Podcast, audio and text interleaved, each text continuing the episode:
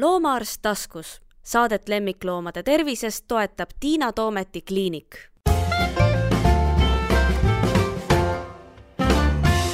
tere, mina olen Tiina Toomet, kuulate podcasti Loomaarst taskus ja täna on minu külaliseks Kennelliidu volikogu liige Maris Siilman.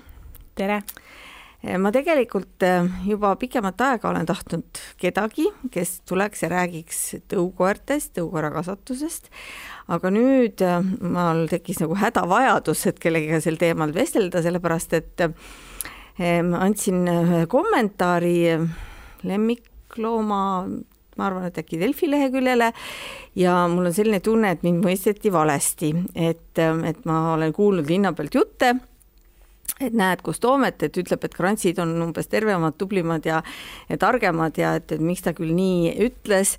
Et õiendame selle asja kohe nüüd ära, et tegelikult ma nii ei öelnud, see on seal võib-olla ridade vahelt välja loetud. ja, ja, ja miks see võib-olla niiviisi välja tuli, oli see, et kui me räägime sellisest looduslikust valikust, noh, mis on ka metsas, eks, et kui meil on kaks hunti või on meil neli hunti või on viis hunti, siis tegelikult ju paarituvad need kõige targemad ja tugevamad ja ja, ja looduses on nii seatud, et tuleksid siis ka need äh, kutsikad võimalikult targad ja tugevad ja, ja viletsamad jäävad nii-öelda saatuse hooleks. et me ei saa seda üle kanda koerakasvatusele, et kui kunagi vanasti võib-olla külas tõesti oli nii, et kõige ägedam isane sai kõige ägedama emasega kutsikaid, siis kindlasti ei ole see meie praeguse hetke soov ega ka mingil juhul vajadus. aga nüüd oleme rääkinud juba nii palju ise, et ma tahaks anda ähm, äh, sõnajärje meie külalisele. Äh, Maris, mis ajast sa oled Kenneliga seotud ja kuidas see üldse, kuidas see nagu juhtus, et sa oled nii-öelda mitte lihtsalt Kenneliidu liige, vaid nüüd ka juba nagu ametipostil mingil määral? minu esimene koer sündis aastal tuhat üheksasada üheksakümmend üheksa Äh, koju ma sain ta küll kahe tuhandenda aasta jaanuarikuus, sest kutsikaid loovutatakse kahe kuu vanusena. ja siis äh, hakkasin tegema oma esimese koera Tõule ehk Dobermannile kodulehte. lihtsalt, et ise õppisin, kuidas seda tehakse. Ja ühel hetkel korjas selle üles Eesti Dobermanni ühing ja kutsus endaga liituma. Ja nii ta läks, järgmine aasta oli juba siis Eesti Kenneliit mm. -hmm aga praegu sul Dobermanni ei ole, ma saan aru? praegu mul enam Dobermanni mm -hmm. ei ole, mul on olnud kokku kolm Dobermanni, aga jah, et äh, kui nüüd viimane koer äh, ära suri äh, eelmise aasta septembris, siis, siis valisin peaaegu samasuguse koera ehk Bosserani Prantsuse lambakoer oh,. noh, see on, need on vähe, need on suhteliselt Neid on Eestis väga vähe mm, -hmm. jah. ja otsapidi oled hagijaga seotud kuidagi? jah mm -hmm., tegelikult äh, koos oma tädiga me, me kasvatame Eesti hagijaid, äh, Sak-, kennel nime Sakste all ja selles osas on mul muidugi hästi tore ja kerge, ehk et hagijad elavad kõik Äh, tädi juures maakodus, kus nad saavad äh, talvehooajal käia jahil ja suvel elada ikkagi õues, aedikutes, neil on ka suur aed, kus nad saavad joosta, et see on tegelikult ühele jahikoera tõule parim koht elamiseks. Ja mina siis saan nendega käia kevad-suveperioodil näitustel ja lihtsalt näidata, kui ilusad ja tublid koerad meil on no kui äh, nüüd see, ma isegi ei hakka uuesti hääldama seda sinu korratõugu Boucher on jah ja. see on ikka haruldane, siis Dobermannid ju tegelikult olid äh, juba ammu äh, ju Eestis väga tuntud tõug. minu jälle mälestused tõukoertest ja noh, siis tol ajal ei olnud Kennelliit, siis oli Alma Vüü, ulatuvad aastasse kuuskümmend kuus, kui me võtsime oma esimese puudli ja siis ma mäletan, et ähm, et kui me hakkasime dressuuris käima, siis seal käisid kaks väga kihvti dobermanni, ühel nimi oli Ali ja teise nimi oli Cliff. ja, ja need olid äkki Reet Raado. Reet Raado ja, Sirje ja teine oli Laili Aas-, Laili Aaspere. ja, ja, ja, ja need olid ikka täitsa superkoerad, aga ne-, noh, enne oli ka dobermanne olnud, et dobermann ei olnud nii haruldane, kusjuures minu vanaema sünniaastaga tuhat kaheksasada üheksakümmend neli omas Eesti ajal kahekümnendatel Dobermanni Hmm. sest ma mäletan sellist lugu, see on tegelikult kurb lugu, et kui minu tädi Asta sündis ja tema sünniaasta on tuhat üheksasada kakskümmend üks, siis see Dobermann oli noh, tol ajal interpreteeriti hirmus armukade, praegu me ütleme seda, et koer oli segaduses lihtsalt ja et vanaema ei saanud, ta noh, kartis lapse pärast, et ta oli sunnitud selle koera ära andma. aga et jah, et juba siis täiesti olid Dobermannid olemas. Neid on praegu vähe, mis juhtus? juhtus punkt üks äh, see, et loomakaitseseaduseid muudeti, mm. -hmm. enam ei tohi kõr-, kupeerida sabasid ega kõrvasid. mm. -hmm. teine asi on see, et äh, inimesed tahavad endale mugavat koeratõugu. suure koera puhul see paljudel tähendab seda, et koera saaks pidada õues, mida dobermanniga ei saa teha Mm -hmm. ja toas pidades ikkagi dobermann nõuab äh, tähelepanu, aktiivsust, tegelemist, et, et, et i- inimesed tahavad leida midagi muud. jaa, sellest on jälle kahju, sellepärast et ma ei tea, ma nüüd esitan täiesti oma subjektiivse arvamuse, aga ma mäletan nagu seda, et noh, ma alustasin oma kliinikuga üheksakümne teisel aastal ja tol ajal peeti Dobermanni ikkagi nagu selliseks närviliseks ja kurjaks Mhm. koeraks ja nõukogude ajal läksid tegelikult Jaa. need iseloomud käest ära. ja pärast kõik Dobermannid, kellega mina olen tegelenud, no ausalt öeldes ma isegi olen unustanud, et noh, nüüd ma neid ei näe ka peaaegu, neid tõesti peaaegu ei ole, aga et noh, et peaks küsima, et vabandage, kas ta on sõbralik, sest nad lihtsalt olid nii sõbralikud minu meelest, et, et see oli nagu see, kus minu meelest olid nagu aretajad teinud nagu väga hea töö mm, Mhm, -hmm, et jah. Dobermanni iseloom ikka muutus nagu väga-väga ja heaks. ja läks ja, ja kiiresti ja, ja tegelikult väga kiiresti ja, Ja, ja. ja. ja nii et mm., et jah, mul enda loomaarstidega ka kogemus, et et paljudel tõugudel ja sellistel nii-öelda, keda, keda selliseks ei pea, on kliinikus suukorvid igaks juhuks peas, aga et dobermannidega võib teha praktiliselt kõike mm. -hmm. ja nad lihtsalt on ja kannatavad ära yeah. selle, et nad teavad, et seda tehakse nende jaoks no nii, me oleme juba siia jõudnudki nüüd siis äh, aretusini peaaegu, aga mul olid siin paar märksõna endale kirjutatud, noh, mina ise nüüd jälle tegelikult ilmselt mäletan paremini kui sina seda Kennelliidu loomist ja seepärast ma ei hakka sinu käest seda küsima ja me siin eelnevalt leppisime kokku ka, et, et ajalugu oli nii põnev, et selle kohta võiks täitsa teha mõne Jaa, eraldi saate ja kindlasti. mõnede inimestega, kes on olnud selle juures nagu Jah. pikemalt.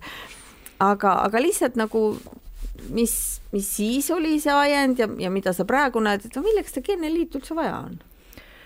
Kennelliitu on vaja tegelikult selleks, et oleks olemas üks katuseorganisatsioon, kus ühesuguse harrastusega tegelevad inimesed saaksid omavahel kogemusi vahetada, koos neid üritusi korraldada ja ja et oleks olemas organisatsioon, kes mingil määral ikkagi kogu seda koerandust reguleeriks ja mingisuguseid juhtnööre annaks, et, et siis kõik teavad, et et kui meil on näitused näiteks koertel või on kuulekusvõistlused, siis kui sealt on saadud mingisugused tulemused, siis need tähendavad vot just nimelt seda. Et see on nagu rahvusvaheliselt aktsepteeritud, eks ole, see on ilmselt suhteliselt tähtis. ja, ja, ja, ja ongi, et Eesti Kennelliit on siis rahvusvahelise günoloogilise organisatsiooni esindaja Eestis ja seetõttu on kõik Eesti Kennelliidu poolt väljastatavad dokumendid äh, aktsepteeritud ka sadades riikides üle maailma no seal on ilmselt üks kõige tähtsamaid asju ongi tõutunnistuse aktsepteerimine, eks ja, ole, sest muidu võib ju kaunilt kujundada missuguseid igasuguseid pabereid ja, ja., ja tegelikult seal taga ei ole midagi, aga kui meil on ikkagi sellise kennelliidu, on ka siis Leedu või Läti või Eesti oma, kes on ikkagi selle rahvusvahelise organisatsiooni liige, et siis me teame, et see on see, mida seal kirjutatakse. ja, ja, mm -hmm. ja üha enam kennelliite tegelikult maailmas läheb juba ka seda teed, et pesakondade kaupa tehakse kutsikatele põlvnemisuuringud, nii et lisaks paberile on olemas ka täiesti teaduslik tõestus selle kohta, et, et need kutsikad ongi tõesti nende vanemate järglased kõikidest asjadest, mida me räägime, tuleb mul jälle mitu põnevat märksõna, et, et pärilike haiguste uuringud on üks tähtis asi, millele, millele ma tahaksin kindlasti veel, veel uuesti pöörduda, mille poole, aga, aga räägime siis ikkagi nüüd natukene sellest tõudunistusest ka, sest see on üks segadusse viiv mm, asi inimeste puhul, kes ei tea koeraaretusest palju ja, ja mida meie ka loomaarstidena näeme oma suureks kurvastuseks veel eriti sel aastal, kui koeri lihtsalt võetakse, noh, nõudmine ületab pakkumise minu meelest mitmekordselt, et inimesed ütlevad, aga mul ei ole seda paberit vaja. Et mul ei ole vaja, et miks ma pean maksma nii palju, vot ma saan paberiteta koera, noh, ütleme noh, räägime siis kas või mingist väga populaarsest tõust praegu nagu Prantsuse bulldog või, või räägime me kas või ka mõnest saksa lambakoerast või kellest iganes, et ta, mul on tähtis, et ta on nagu selle tõu nägu, aga neid pabereid mul tarvis ei ole. No ma ise omas peas olen selle vastuse välja mõelnud, mis ma neile inimestele vastan, aga nüüd ma ootan sinu käest seda vastust. Mina võtaksin seda mõnes mõttes kui austusavaldust äh, nende tõugude loojatele või, äh, või siis äh, selekteerijatele, et nad on näinud aastakümneid vaeva, teinud ära suure töö, et valida just nimelt konkreetsete omadustega, olgu see siis välimus või iseloom, koerad, kelle kohta siis võikski öelda kas Prantsuse bulldog või Saksa lambakoer. Ja kui nüüd keegi läheb ja mõtleb, et ma tahaks prantsuse lambakoera, prantsuse bulldogit, äh, ühte konkreetset tõugu, siis, siis miks ta peaks siis nagu võtma kedagi, kes näeb selline välja, kui ta tegelikult seda tõukoera ei taha mm? -hmm jah, ja, ja, ja minu meelest on üks argument see, et, et kui sul on see nii-öelda Äh, tõukoer ja ilma paberiteta, siis ta tegelikult ei ole tõukoer, ta on krants. ta on krants, kes näeb välja nagu prantsuse bulldog. et, et ja. see on nagu see, noh, samas ma saan aru ka, et inimesed ütlevad, et jaa, aga no mis siis, mul ei ole vahet ja, ja siis lähebki nagu küsimus sellele, et oi-oi-oi, et miks see siis see hinnavahe nii suur on, et kas see paber maksab nii palju. et võib-olla peaksime nüüd õiendama selle asja ka ära, et paber tegelikult ei maksa suurt midagi, eks ole. see ju. paber tegelikult maksab viisteist eurot mm -hmm. kutsikakasvatajale, et see tõesti ei ole mingi number. aga see on siis ikkagi pigem nagu see, et noh, võtame näiteks, et lähen ostan Mercedese, et mul on palju raha ja ostan omale Mercedese, siis ma ju ikkagi tahaksin seda Mercedest saada äh, noh, kas siis ametlikult maaletoojalt või vähemalt inimeselt, kui ma võtan kas teise ringi ja, auto, et ta on, on Mercedese tehases ja, tehtud, aga mitte nii, et mingi onu on kuskil valmis klopsinud sellise enam-vähem Mercedese välimusega auto ja pannud Mercedese mm -hmm. märgi peale mm. -hmm et seal on ikkagi nagu see garantiide küsimus, eks ole, vist natukene? Äh, on natuke garantiide küsimus, siis äh, tegelikult on natuke ka see, et äh, tõutunnistusega koera kasvataja äh, on konkreetne nimi konkreetsete kontaktandmetega, ehk et ühel või teisel viisil on selle inimesega ikkagi võimalik ka tule, tulevikus ühendust saada juhuks, kui peaks midagi juhtuma.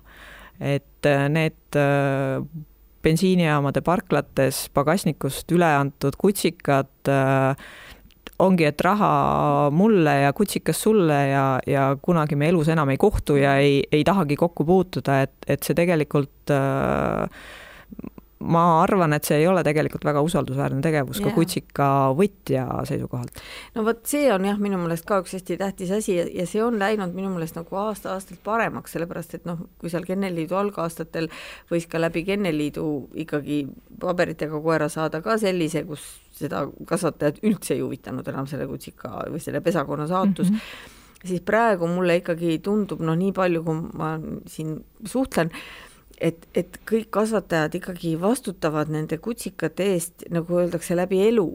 noh, et kui ja. nüüd juhtubki, selle uue omanikuga mingi õnnetus ja see kutsikas jääb nii-öelda ilma peale, siis ta tegelikult ei jää ilma peale, siis tal on nagu see perekond taga, kes hakkab siis muretsema ja, ja hoolitsema, et temast ja. midagi saaks, eks. et see on minu meelest nagu hästi-hästi oluline selle asja juures. ja teine asi, mis minu jaoks on väga oluline, on see, et kui me tõesti ostaksime selle kutsika sealt äh, bensujaamast või, või noh, kas või ka mingisugusest äh, sellisest ähm, kodust, kus on näha, et tegeletakse loomade paljundamisega ja, ja, ja teeme seda ka mõnes mõttes võib-olla puhtast haledusest, sest et me näeme, et seal on endal raske ja sa tahadki selle ühe ära päästa, siis see, see nagu pikemas perspektiivis see on nagu halb, sest et me tekitame ju uue nõudluse. et, et see on see, mida mina olen alati inimestele öelnud, et miks ei tohiks osta nende noh, niinimetatud miljardäride käest, et see miljardaja siis tähendab, kui inimesed ei tea, et on äh, papimill on siis ingliskeelne väljend, ehk siis nagu kutsikaveski ja siis kutsutakse neid tihtipeale miljardäriteks et, et kui ma sealt võtan, siis tal tekib soov ja, ja produtseerida uus ja need tingimused, kus need vaesed emased loomad ja ka tihtipeale ka isased, keda mm -hmm. kasutatakse siis aretuses, noh, see on, see on ikka päris õudne. on. jah, ehkki mulle endale, võib-olla see on mul nagu mingi naiivne nagu roosad prillid ees lootus, mulle tundub, et Eestis see asi on kuidagi ei ole nii levinud kui võib-olla kusagil. jah, õnneks, õnneks ei ole päris nii hullu tööstust äh,, ei ole, loomulikult on äh, neid äh, halbu õunu jutumärkides äh, ka kahjuks ka Kennelliidu süsteemi kasvatajate juures ja, ja kindlasti on neid väga palju kutsikat, tõesti nende kutsikavabrikute hulgas kus siis ongi, et kutsikad elavad ja koerad elavad kuskil toa või laudanurgas ja, ja nende ainuke eesmärk ongi siis kutsikaid mm. -hmm võimalikult palju, palju võimalikult tihti. et ja. selle vastu loomulikult aitab see, et korralik kasvataja alati on, kutsub kutsika võtja endale külla ja on võimalik vaadata, kus ja kuidas kutsikad elavad ja ja minuni tegelikult on jõudnud äh, ikkagi ka tagasiside õnnetutelt kutsika ostjatelt, et kes on läinud äh, võtma siis seda koera, olgu see siis paberitega või paberiteta ja toanurgas üks seal kössutab, peas läheb häirekell helisema, et kõik ei ole korras ja nad kahetsusest ikkagi võtavad mm -hmm. selle kutsika ära mm -hmm. ja, ja see on tegelikult pärast äh, väga suur töö ja vaev ja, ja see ühine elu ei ole kellelegi mm -hmm. kerge noh, siin võib muidugi nüüd, kui tahaks kõvasti op-, oponeerida, võib vastu öelda, et ega äh, tõukoera, kellel on kõik paberid korras ja kellel on ka kõik tõestatud vanemad nii-öelda mhm. DNA uuringutega, võtmine on ka paras loterii. oi, on loomulikult jaa mm, olen nõus ja, ja, ja mul on enda, endal äh, koeravõtuga juhtunud nii, et, et ei ole päris see, mida ootasin, on minu kutsikatel äh, üksikutel välja läinud mingisugune tervisehäda, mis lihtsalt tuleb sellepärast, et äh, looduses ei ole alati üks pluss üks kaks mm. -hmm. Aga isegi kui ma ei ole süüdi, siis, siis ma saan anda oma kutsika omanikule moraalset tuge, aidata tal leida võib-olla siis neid spetsialiste, et kelle, kellega koos seda probleemi on võimalik lahendada või, või vähemalt seda asja valutumaks teha mm. -hmm et see know-how ja see toetus tegelikult on kutsikaomanikule väga-väga tähtis. ja samamoodi võib juhtuda ka täitsa puhta krantsiga. et see ei ole nii, et nad on kõik alati nagu väga-väga terved ja, ja ja noh, näiteks äh, allergikuid on päris palju mm -hmm. ka mhm. krantside hulgas mm. -hmm ning muidugi, mis siis nüüd puudutab veel seda, neid uusi, neid niinimetatud disaintõuge, et jah. see on ka selline kaheldava väärtusega ettevõtmine, noh, tegelikult keegi vist seda väga täpselt uurinud ei ole, aga noh, püüdlus selle läbi mingit uut ja tervemat tõugu luua võib viia ka meid sohu ja rappa, et me võtame siis võib-olla ühe koera, kellel on eh, rohkem nahahaigusi ja siis teise tõu, kellel on võib-olla kehvad liigesed ja loodame, et me saame kokku sellise hea naha ja heade liigestega, aga tegelikult läheb, läheb vastupidi. ja, ja, ja kõige hullem on see, et võib-olla esimeses põlves ei lähe, vaid läheb mm -hmm. kusagil palju hiljem. ja siit me jõuame selle tõuaretuse jutuni et noh, ilmselt jälle nüüd küll need inimesed, kelles me kummardame, kes neid tõugusid on aretanud, et kui nad oleksid nagu targemad olnud sel hetkel, mida me ei saa eeldada, et nad oleksid olnud ja rohkem teadnud, siis võib-olla nad oleks käitunud teisiti, kas meil oleks mõnesid tõuge, kas need tõud oleks teistsugused, noh, tagantjärgi tark on jube lihtne olla. eks, et noh, ilmselt on olnud selliseid juhtumeid, kus on võetud mingisugune super-super ilus isane näiteks, kellel on võib-olla väga ilus saba, et noh, kõik on tahtnud oma emaste koerte järglastele ka sellist saba. Ja siis ju see teadmine puudus, et noh, ütleme kogu see geneetik, et mis sellega kõik kaasa tuleb, eks ole, ja siis tuli näiteks selle noh, a la selle, selle konkreetse isasega on tulnud epilepsia eks ole, ja meil ja. on nüüd ilusate sabadega koerad ja, ja kelle järglased suures hulgas on epileptikud. aga me ei saa nagu süüdistada ilmselt neid inimesi tolles ajastus, sest nemad noh, käitusid oma parimate nagu nii-öelda tõekspidamise järgi, eks. mida me praegu saame teha? kas, kas see kogu need, kõik need, meil on ju tohutult neid aretusprogramme, tervisekontrolle, kas see on kusagil mingite tõugude puhul nagu olulist paranemist andnud või? kuidas on, sa näed, on? minu teada ikkagi mm -hmm. on Eestis on see süsteem muidugi veel võrreldes osade muude riikidega tegelikult lapsekingades, et Soome tegelikult on hästi hea näide, et seal on väga palju, tehakse ka ülikoolide juures Hannes Lohe, see mm -hmm. uurimisgrupp, et, et nad lausa lähevad geenitasandile välja, et nad ei vaata ainult konkreetselt ühe haiguse nii-öelda pärandumist, et kui me mhm. räägime näiteks puusadüsplaasiast puhtalt nende röntgenpiltide põhjal. Ja, ja dalmaatslastel näiteks tegelikult ju see Ameerikas tehtud pointeri aretus on aidanud välja saada probleem, need põiekivi probleemid. okei. Okay jah, sest et tore oleks, kui me saaksime nagu, võtad selle geeni ja vaatad seda, aga, aga jälle, mis on veterinaaria selle kurbloolisus, on see, et, et suuremad probleemid, nii nagu me düsplaasiast räägime või nagu me räägime allergiast, siis need tihti on nagu polügeneetilised, et meil ei, me ei saa seda ja. kätte, seda ja. geeni. et ma tean, et ma kunagi tegin ühte loengut äh, pärilikest nahahaigustest ja siis äh, oli, seal olid noh, kõik need haigused välja toodud, mida saab geneetiliselt uurida ja enamus neist olid mingid tohutud haruldaste tõugude mhm. tohutud haruldased asjad ja. ja need, mida me siin iga päev näeme, need ikkagi nagu sõltuvad mitmestest ja, asjaoludest. aga ilmselt aitab ka see, et kui selle tõu puhul, noh, ma jälle mõtlen, et kui sa nagu ise teadvustad, kui sa tead, eks ole, sa Dobermanni omanikuna tead, et sa pead oma koera maksanäitajaid võib-olla natuke rohkem jälgima, sellepärast et ja, tal võib olla, eks ole, kaasasündinud mingisugune kuigi see maksa teema Dobermannidega on äh, on läinud oluliselt paremaks ja tänu uuringutele tänu uuringutele ja, ja selektsioonile, mis ei tähenda seda, et täna ei ole seal uusi probleeme mm. -hmm. aga no, aga noh, nii see eluringkäik ükskord on, et, et kui sa hakkad üht, nii-öelda ühte liini e, eraldama mm -hmm. mingi negatiivse näitaja pärast, siis, siis täna selles teises liinis on see korras, aga me ei tea, mis sealt no, kuskilt tuleb. no see ja. on see saba näide ja. jälle, eks ju, no aga ütleb negatiivne, eks ole, et ma ja. üritan head saba ja. saada ja saan midagi muud, nüüd ma väldin, eks ole, maksaprobleemi ja saan midagi muud. ja noh, siit me jõuame jälle selle minu õnnetu artiklini, et tõesti, et kui meil oleks nagu krantsid, kes vabalt paaruksid siis noh, paaruksid ilmselt terved, seepärast et haiged lihtsalt ei, ei pääse löögile, nii et nad ei saa seal koera pulmas nagu tulla.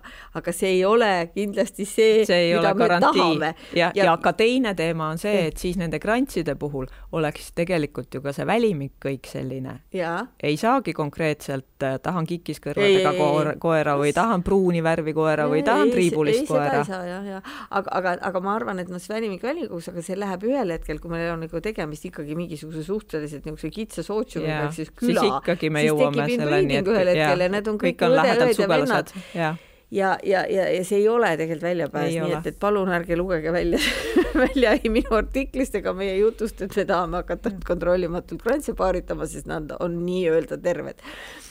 aga muidugi jälle, mis nüüd, mis sellesama tõuaretusega haakub, on see, et isegi kui me teame ja isegi kui me saame uurida, siis osad tõud on ju nii kitsa nagu selle alusbaasiga, et, et kust me sealt need terved isendid võtame, et ma sellepärast just mõtlesin, et ma küsin su käest nagu Eesti hagija kohta ka, et ega neid Eesti hagijaid ju ka nüüd hirmus palju ei saa ju olla algselt või on või?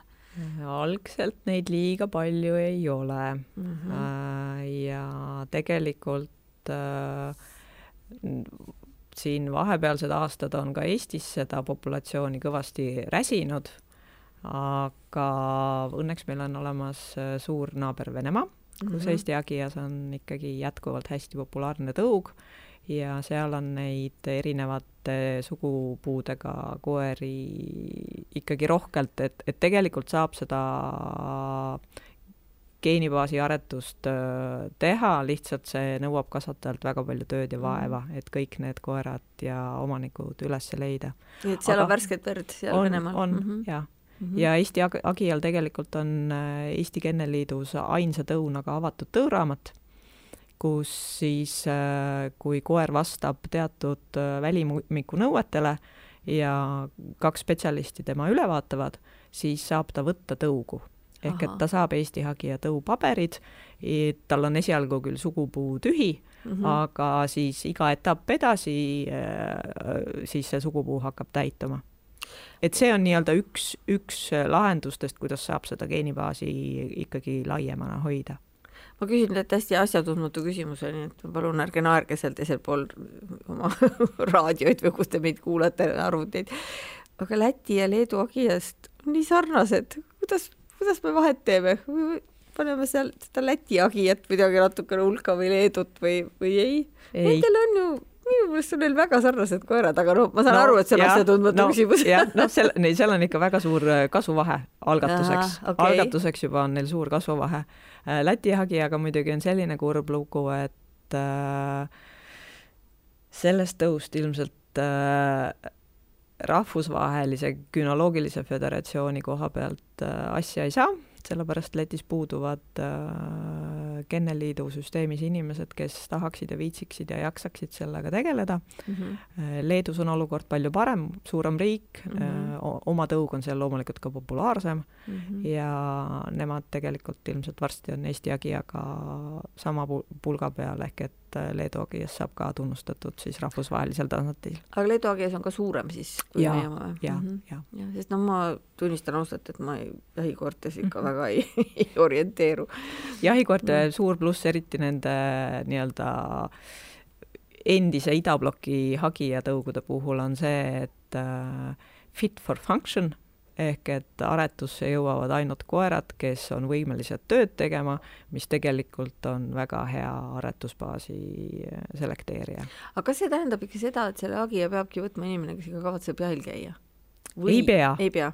ei, sest pooled meie kasvandikest on tegelikult lihtsalt perekoerad, siin on lihtsalt mõningad nüansid, millega peab arvestama, ehk et hagijas on tõug, keda ilma aiata territooriumil lahtiselt ilma rihmata ei saa jalutada no,. jah, see on selge, jah e, ja noh, aktiivsust, akti-, aktiivset tegevust vajavad nad nagu väga paljud muud ka, aga mm, -hmm. aga tegelikult nad on mõnusad paraja suurusega koerad, kellest tegelikult saab ka väga hea linnakoera. lihtsalt ongi kõige suurem barjäär see rihma otsas jalutamine, isegi siis, kui metsas käia jalutamas ja.. seda jah, ma tean, mul on käinud kutsikakoolis neid hagijaid ja siis nad ütlevad, et nad ei kavatsegi kunagi oma koera lahti ja. lasta, mis on minu meelest täiesti okei okay,, sellepärast et ega neid kohti, kus ta koera väga lahti lasta nii hirmus palju ei olegi. ja see, see ei ole koera seisukohalt üldse nii tähtis, koer saab ja. ka pikas rihmas nuuskida ja. väga hästi, see on tegelikult meie enda mugavused ja jalutada ja käed taskus ja vilet lüüa, eks. aga jah, miks ma küsisin, oli just see, et, et et noh, tihtipeale nende koertega keda valitakse, eks ole, välimuse järgi või mingitel muudel asjaoludel ja siis ei mõelda seda tema function'it, tema funktsiooni, et siis minnakse selles mõttes alt, et nad lihtsalt ei suuda sellele koerale nii palju tegevust pakkuda, aga ma saan aru, et kui ma siis oleksin nagu tubli agility fänn, et siis ma võiksin selle agiaga nagu isegi või Agilitisele peab ta lahti laskma, ta paneb äkki jälje no, järgi minema ei no Agilitis noh, selles mõttes, et äh, ma arvan, et tegelikult Agias ei ole oma motivatsioonilt õiget tüüpi koer okay. selle asja jaoks, et mm -hmm. tema jaoks ühel hetkel ikkagi on muud lõhnad mm -hmm. olulisemad kui see, et ma omanikuga koos saan joosta. Küll aga on Soomes isegi minu teada olemas üks agility championist Eesti hagijas mm.. nii et kõik on võimalik. aga millega nad siis peaksid tegelema siis, kui nad jahil ei käi selle noh, üks on lihtsalt jalutad ja nuusid, aga sa pead talle ju tegelikult nagu ajutegevust verejälg, mida saab okay. rihma, rihma otsas väga hästi uh -huh. harrastada noh, kuulekus, nii-öelda trikkide õppimine, et mm -hmm. no, sellised mõnusad ühised mm -hmm. tegevused. Väga põnev, kas Agi ja Kuju tuleb meile? no loodame. on see kuhugi jõudnud, see idee? Äh, raha korjatakse, aga, aga minu teada pole hetkel vist veel isegi sel-, see selge, et kuhu siis täpselt mm -hmm. see võiks mm -hmm. või peaks tulema mm -hmm.. noh, tegelikult oleks ju tore. seda oleks, vääriks seda ja, küll, see, see Agias jällegi olen ma suutnud pooled küsimused ära unustada, mitte ära unustada, vaid lihtsalt aeg hakkab otsa saama. Et, et ma arvan, et oleks nagu rääkida veel ja küll ja küll ja noh, ajaloost oligi juttu, et, et räägime kunagi hiljem.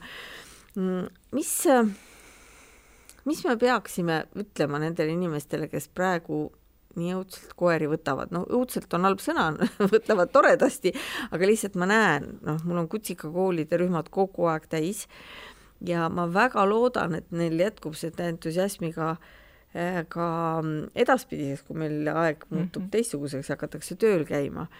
kust see abi, noh, kui ma olen nüüd tavaline inimene, kes tahab võtta ükskõik, no ma ei tea, Dobermanni hagijad, saksa lambakoera bokserid, ka kennelliitu või lähen ma tõuühingusse või kust ma nagu mm. abi saan? võib-olla koht number üks võiks olla Facebookist otsida üles selle tõuharrastajate grupp mm. -hmm. mina, ma usun, et enamusel on need olemas, seal on väga palju lihtsalt tavalisi äh, selle tõu omanikke, kes ei olegi kasvatajad, kes oskavad siis äh, nii-öelda lihtinimese seisukohast rääkida selle tõu plussidest, miinustest, kindlasti tuua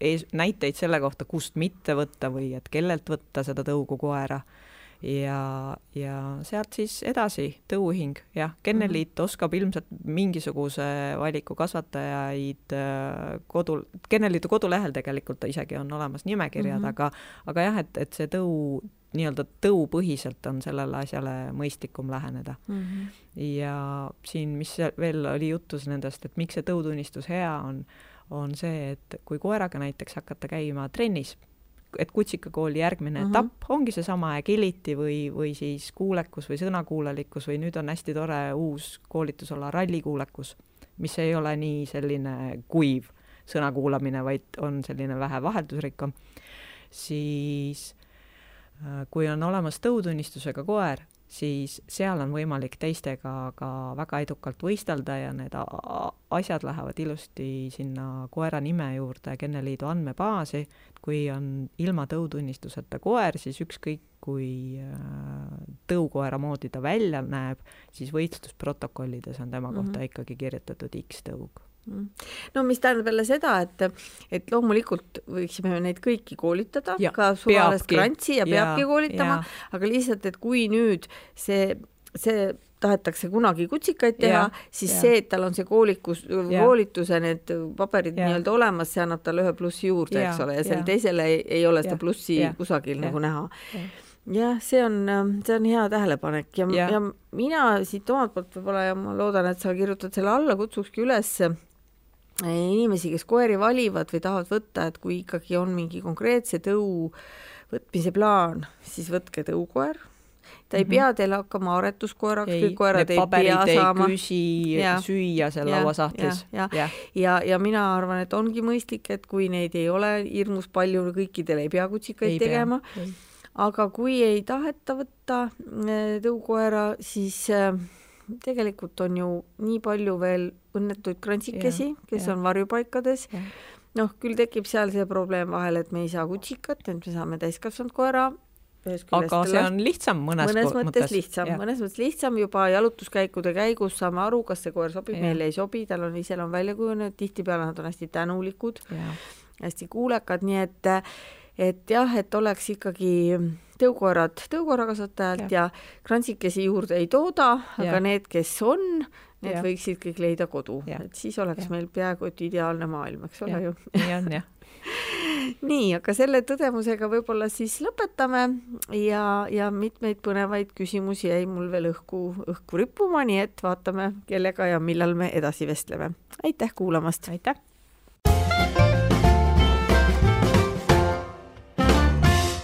loomaarst taskus. Saadet lemmikloomade tervisest toetab Tiina Toometi kliinik